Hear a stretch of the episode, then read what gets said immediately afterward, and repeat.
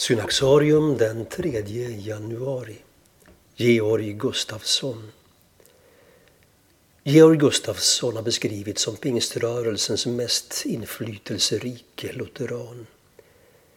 Efter en kris som ung pastor han upplevde sig ha svikit men mötte omgivningens förlåtelse förbyttes hans tidigare lagiska förkunnelse i ett budskap som andades nåd och barmhärtighet. Georg Gustafsson föddes i Karlsfors 1899 där han växte upp i ett torp med ett rum och kök. Sex år gammal drabbades han av en svår sjukdom och opererades i Lund men utan att bli återställd. Hans föräldrar fick då höra om Fredrik August Boltius som bad för sjuka och tog kontakt med honom.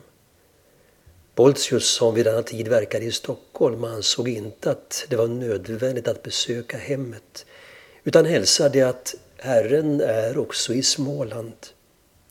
Men som hjälp för familjens tro och böner sände han med hänvisning till Apostlagärningarnas 19 kapitel en böneduk som skulle läggas på pojkens sjuka kropp vid förbönen. Georg blev helad och besvärades sedan aldrig mer av sin sjukdom. Denna upplevelse skulle bli avgörande för att Georg Gustafsson ägnade 60 år åt uthållig förbönstjänst för sjuka och svaga. Likt Boltius vigde han sitt liv åt att be för sjuka överallt där han befann sig och att sända oräkneliga bönedukar till människor som begärde hans förbön. Hans brevkorrespondens var omfattande och genom sin folklighet fick han en unik kontakt med människor långt utanför den egna församlingen. Georg Gustafsson kom själv att välja trons väg i 20-årsåldern. Efter sexårig skola började han arbeta på Lundbergs mekaniska verkstad i Värnamo. Där kom han i kontakt med syndikalismen inom vilken han blev verksam som agitator. Men i februari 1918 blev han omvänd under ett möte i Frälsningsarmén i Värnamo.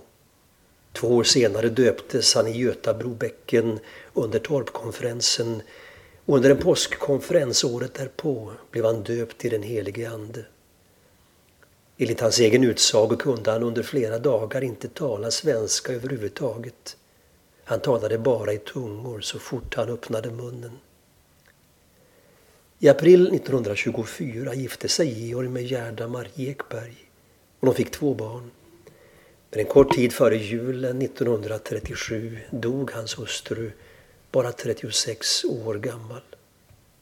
Två år senare gifte han om sig med Ann-Marie Karlsson och de fick tillsammans tre barn.